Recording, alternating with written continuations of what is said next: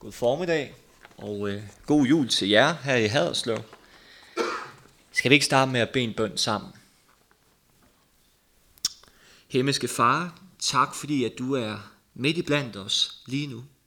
Tak fordi vi denne her formiddag bliver påmindet om din store kærlighed og nåde. Og far, jeg beder om, at vi må tage den udfordring op, at vi må lade os, lade os elske af dig igen og igen og igen Far, du ved, hvordan det kan være svært, være svært at lade sig elske. Men far, tak fordi du elsker os, og du viste det helt konkret ved at dø på kors for vores skyld. Du gav dit liv for os. Far, tak fordi vi må forstå dybden af din kærlighed. Far, jeg beder også om, at vi her til formiddag må have et åbent hjerte. Vi må have et åbent hjerte for dit ord, her. Og Helligånd, jeg beder om, at du må åbenbare dig for os, og at du må vise os, hvem du er. Tak fordi, at du gennem det, jeg skal sige, må tale ind i vores liv. Og jeg beder om, at det må bære frugt. Og jeg beder om, at vi må føre det ud i praksis, så vi må bygge dit rige og øh, bære den frugt, du kalder os til. Mød os her til formiddag, os hver især. Mød os med dit rige. Mød os. Mød dem, der er fyldt med tvivl. Mød dem, som er fyldt med sorg. Vis dem barmhjertighed. Mød dem, som har brug for fornyet styrke og energi. Mød os, Herre. Mød dem, som har brug for lægedom om helbredelse, udfrielse. Far, mød os hver især. Tak, fordi du elsker os. I Jesu navn har jeg bedt, Herre. Amen. Selvom det er december måned, og derfor vil det være oplagt at sige noget om julen, jamen så har jeg valgt at sige noget om Guds ord.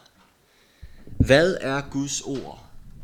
Til det spørgsmål findes der mange svar. Et af dem kunne være, at Guds ord er noget, som vi kan modtage.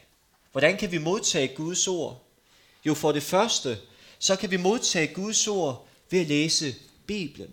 Der siges om Bibelen, at den er Guds ord. Dernæst kan vi modtage Guds ord gennem forkyndelsen. Jeg håber, I må modtage Guds ord i dag.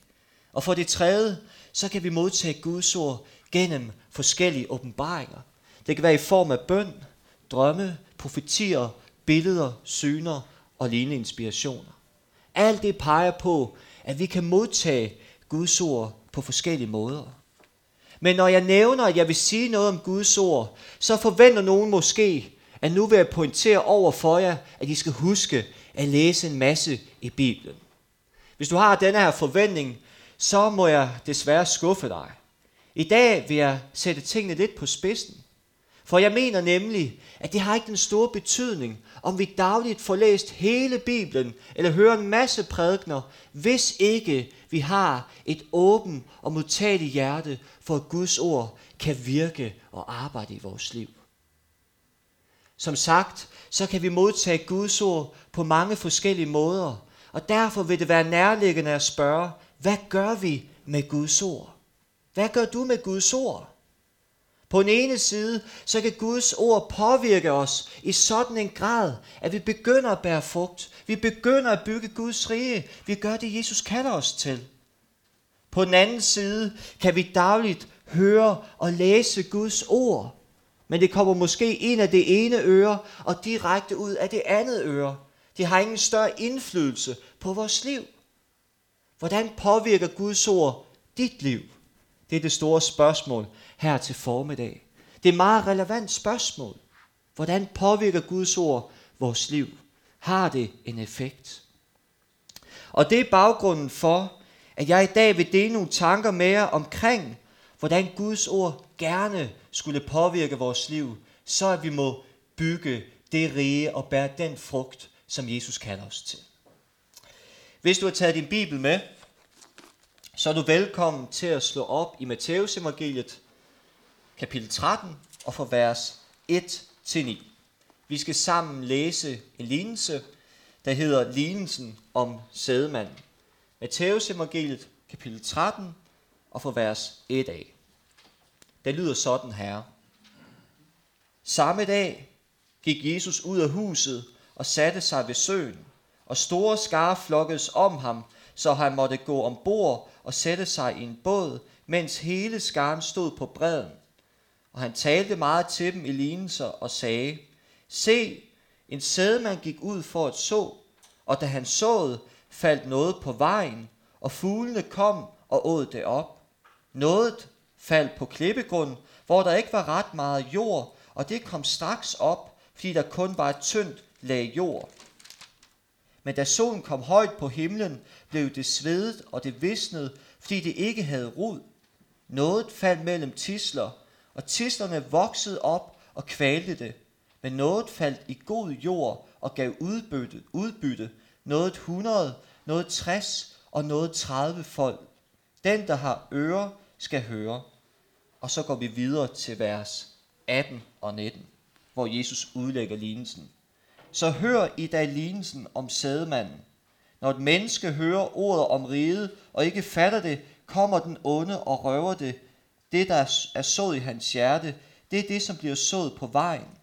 Det, som blev sået på klippegrund, det er ham, der straks tager imod ordet med glæde, når han hører det. Men han har ikke rod i sig. Han, han holder kun ud en tid, og når der kommer trængsler eller forfølgelser på grund af ordet, falder han straks fra. Det, som blev sået mellem tisler, det er ham, der hører ordet, men denne verdens bekymring og rigdoms blændværk kvæler ordet, så det ikke bærer frugt. Men det, som blev sået i den gode jord, det er ham, der hører ordet og fatter det, og så bærer frugt og giver 100 eller 60 eller 30 folk.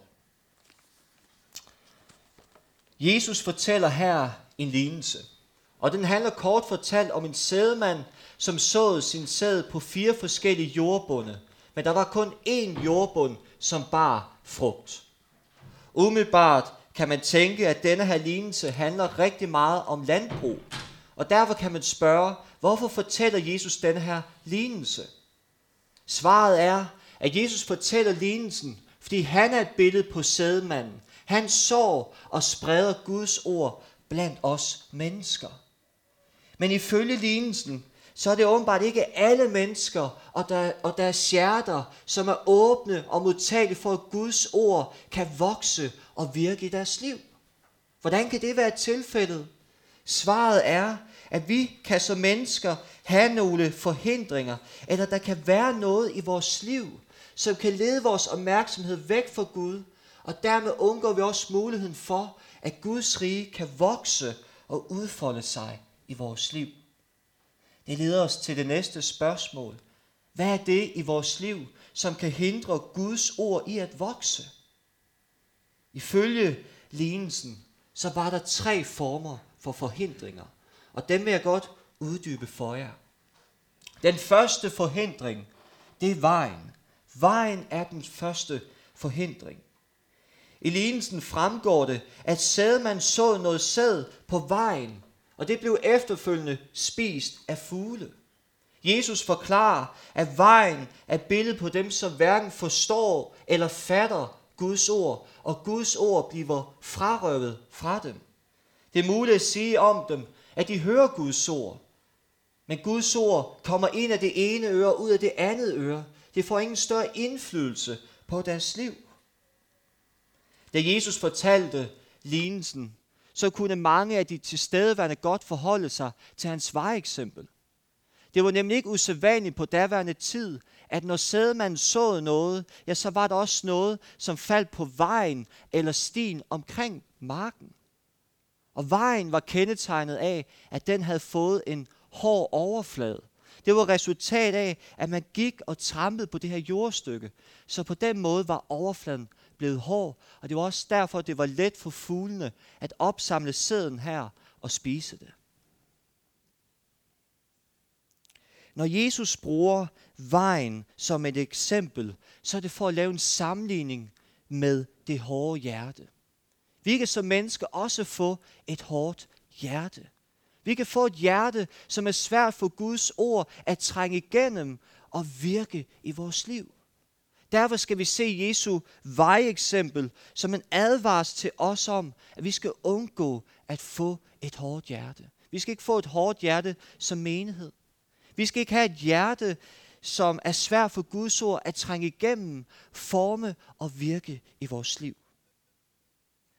Så lad mig ud fra denne her sammenhæng spørge dig, hvordan ser dit hjerte ud?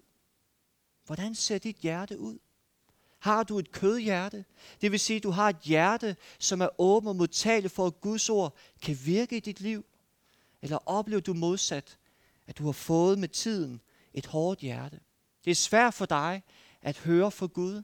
Det er svært for Guds ord at virke i dit liv. Når man læser det gamle testamente, så bliver man opmærksom på, at Gud ofte ærger sig over, at sit folk har fået stenhjerter frem for kødhjerter. Det var svært for Guds folk at høre for Gud.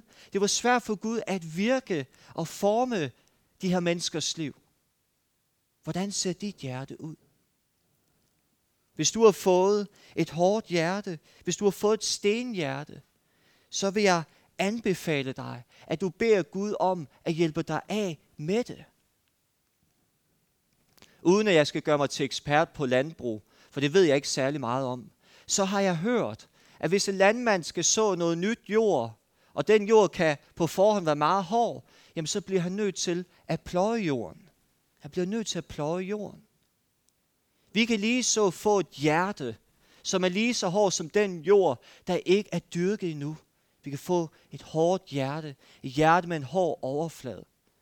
Og det er grunden til, at Gud nogle gange bliver nødt til at tage sin pløjemaskine frem og pløje vores hjerte, så at der her kan være potentiale for, at Guds ord kan blive sået og vokse og spire frem i vores liv.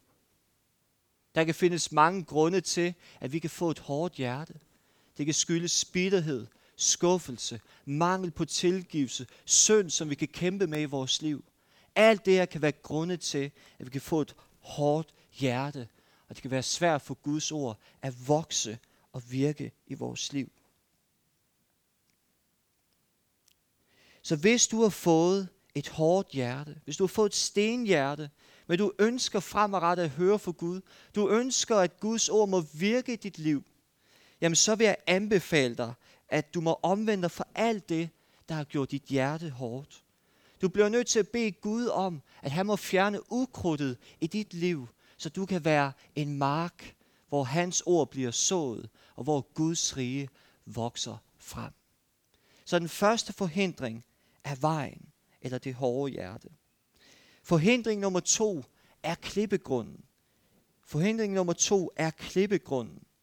I lignelsen står der også, at sædmanden så noget af sin sæd på en klippegrund, og her var der kun et tyndt jordlag. Men efterhånden som solen kom frem, og den bagte og bagte, så skete der det med sæden, at den visnede og svedte, og derfor kunne den ikke bære nogen større frugt, men den gik til spilde. Jesus forklarer, at klippegrunden er billedet på dem, som hører og glæder sig over Guds ord. Men fordi de er ligesom sæden, der endnu ikke har slået dybe rødder, så vil de miste troen så snart de bliver udsat for forfølgelser og trængsler. Hvis du spørger mig, så fremhæver Jesus her en problemstilling, som mange kristne godt kan forholde sig til. Måske kender du en person, som har hørt Guds ord, som har glædeligt taget imod Jesus som sin frelser. Men efterhånden, som det med at tro ikke var så nyt og spændende, og man er blevet udsat for kritik, modstand og forfølgelser fra sine nærmeste omgivelser og relationer, ja, så er nogen blevet fristet til at vende tilbage til det gamle liv uden Jesus, uden Gud. At høre Guds ord og blive begejstret, det er også noget, som vi genkender fra vores gudstjenester søndag formiddag. Hvem har ikke oplevet det her med, at man har hørt en god prædiken, Gud har talt til en. Man har sagt amen på de rigtige tidspunkter. Man har givet Gud et løfte om, at nu vil man virkelig gøre en indsats for at føre Guds ord ud i praksis. Men når det bliver mandag morgen, en ny uge begynder, man har en masse gøremål, man har begrænset tid, ja, så kan det ofte være utrolig udfordrende at føre Guds ord ud i praksis. Og derfor ender det måske kun med at være ønsketænkning. Er der nogen af jer, der kan genkende til noget af det? Det kan jeg i hvert fald.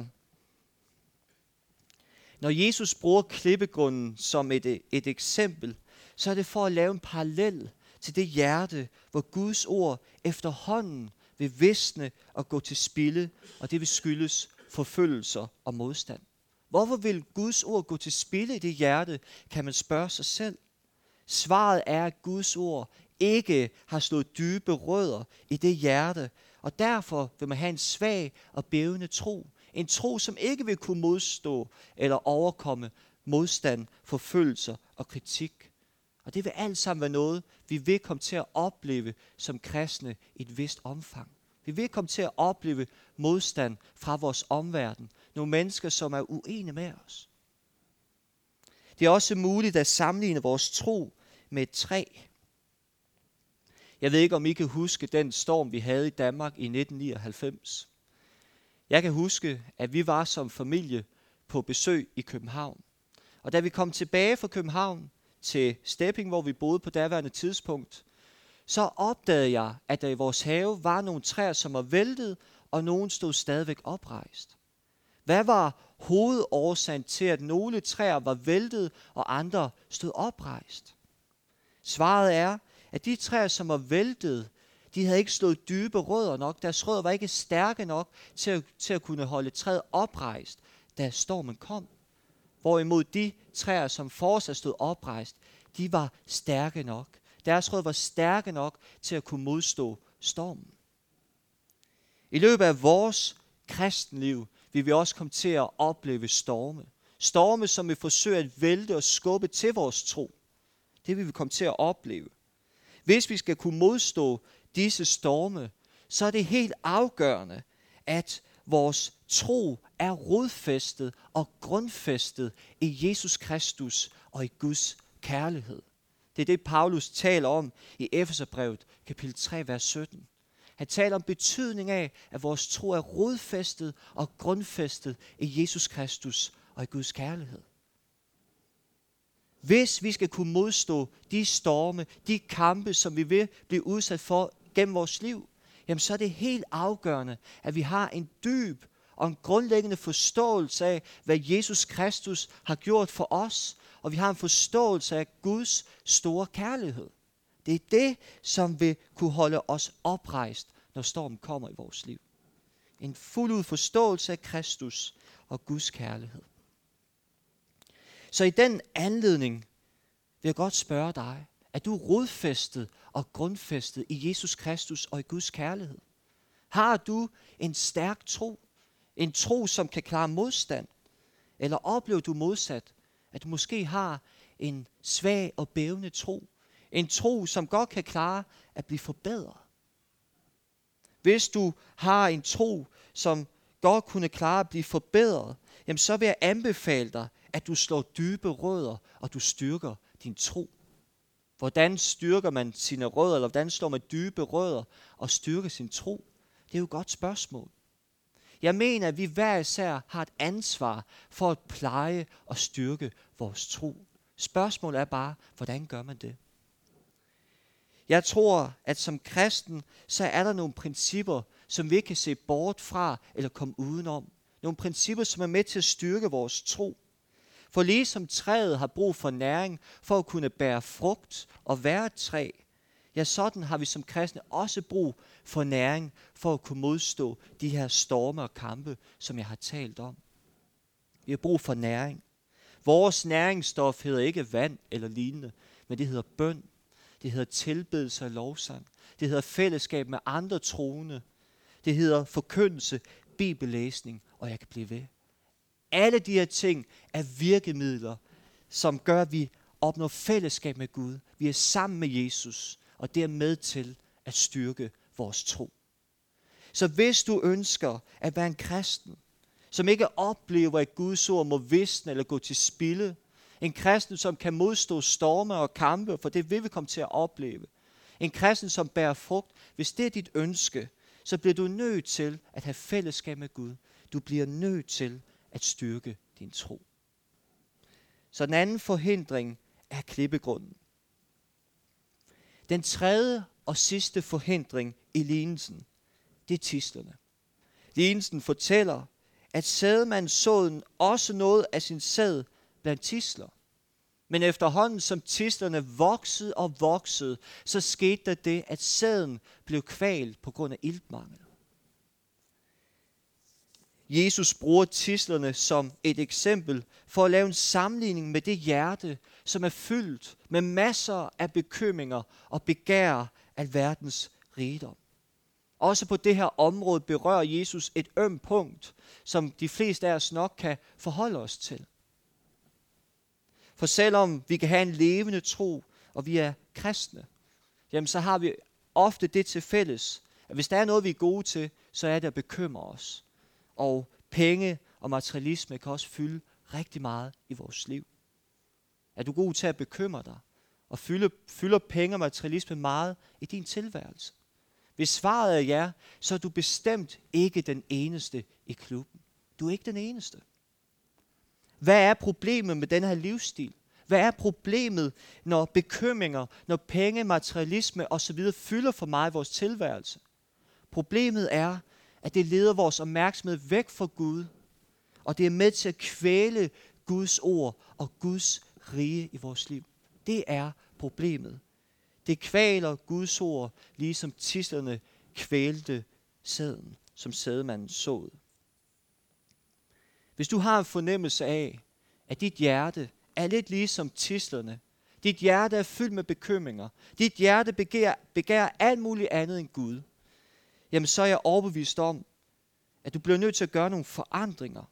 Du bliver nødt til at gøre nogle forandringer for at undgå, at Guds ord må blive kvalt i dit liv. Jeg tror på, at hvis vores hjerte er ligesom tislerne, så må vi gøre noget for, at Gud kommer på førstepladsen i vores liv. Vi må gøre noget, så at han får mere magt og mere plads i vores liv. Hvad sker der, når Gud ikke har førstepladsen? Når vi bliver ledt af alt muligt andet end ham? Jeg tror, der ofte sker det, at vi erstatter ham med alt muligt andet. Vi erstatter ham med penge, materialisme og andet, der kan, der kan give os en form for sikkerhed. Men virkeligheden er, at alt det her ofte bare skaber endnu flere bekymringer i vores liv. Vi erstatter Gud, fordi vi har en eller anden forestilling om, at det er vejen til sand lykke, tilfredsstillelse og mæthed. Hvad sker der så, når vi giver Gud mere plads, når han får førstepladsen i vores liv? Min erfaring er, at når, jeg, at når jeg giver Gud mere plads, og det gør jeg særligt, når jeg beder, når jeg giver Gud mere plads, så bliver jeg mindre bekymret. Og min optagethed af alt muligt andet daler. Hvordan kan det være tilfældet, sidder du måske og tænker. Jeg tror, det har en sammenhæng med, at når vi har fællesskab med Gud, så vokser vores tro og tillid til ham. Og derfor har vi ingen god grund til at bekymre os, eller være afhængig af alt muligt andet. Fordi vi har jo en indre vidshed om, at vores liv er i Guds hånd. Vores liv er i Guds hånd, og derfor vil han sørge for os. Så mere fællesskab med Gud er efter min mening lige med færre bekymringer, mindre optagethed af penge og materialisme og lignende.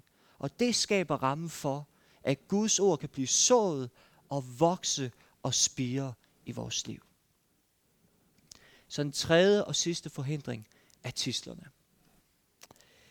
Den sidste jordbund, som sædmanden såede sin sæd på, ja, det var den gode jord. Hvad skete der, da sæden kom i den gode jord? Lignelsen fortæller, at sæden bragte 160 og 30 folk. I modsætning til de andre jordbunde, så var den gode jord frugtbar. Hvordan kan det være? Det skyldes ikke, at sædmanden gjorde noget anderledes. Det skyldes ikke sædmandens fremgangsmåde.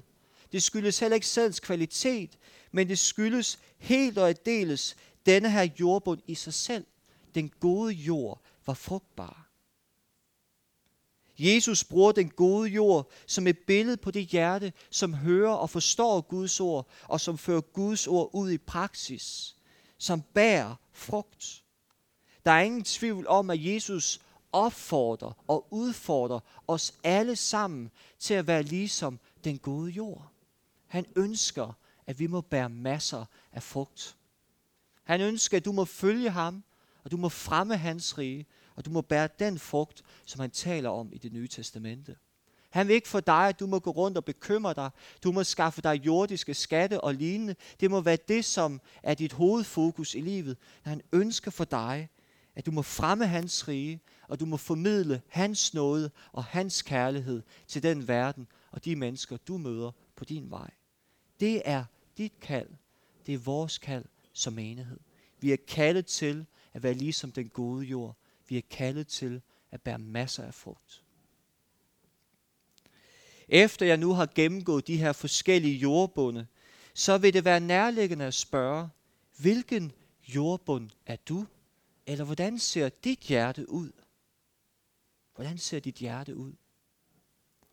Det er nok de færreste af os, der kan sige, at vi er kun ligesom den gode jord.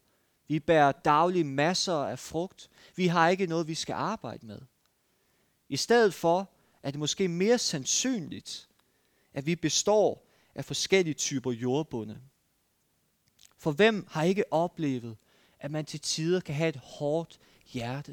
Det kan være noget, man kæmper med, og man har bare den her afstand til Guds ord, at man kan have en fornemmelse af det.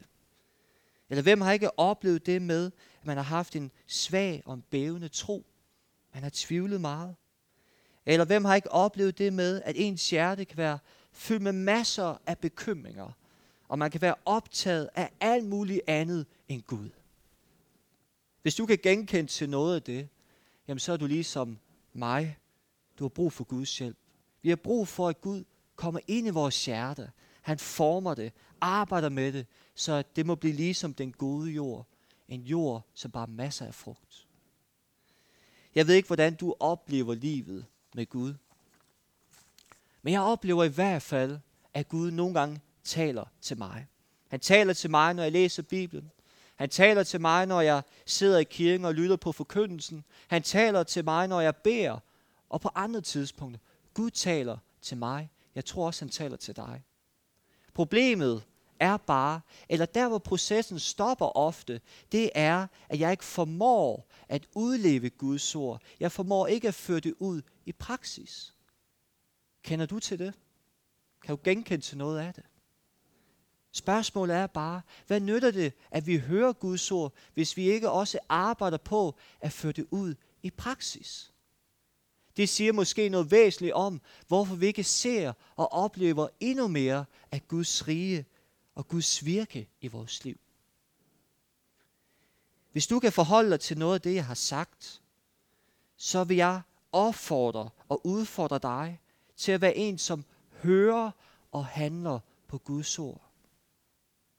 Hvordan gør man det? Jeg tror, det først og fremmest starter med bøn. Det starter med bøn. Hvad er bøn? Bøn er vores mulighed for at have fællesskab med Jesus og være under hans ledelse. Og sandheden er, at vi kan ikke udleve vores kald, vi kan ikke bære frugt, vi kan ikke bygge Guds rige, hvis ikke vi også har et bønsfællesskab med Gud. I Johannes evangeliet, kapitel 15, vers 5, der siger Jesus sådan her. Johannes evangeliet, kapitel 15, vers 5. Den, der bliver i mig, og jeg i ham, han bærer mig en frugt. For fra mig kan I slet intet gøre.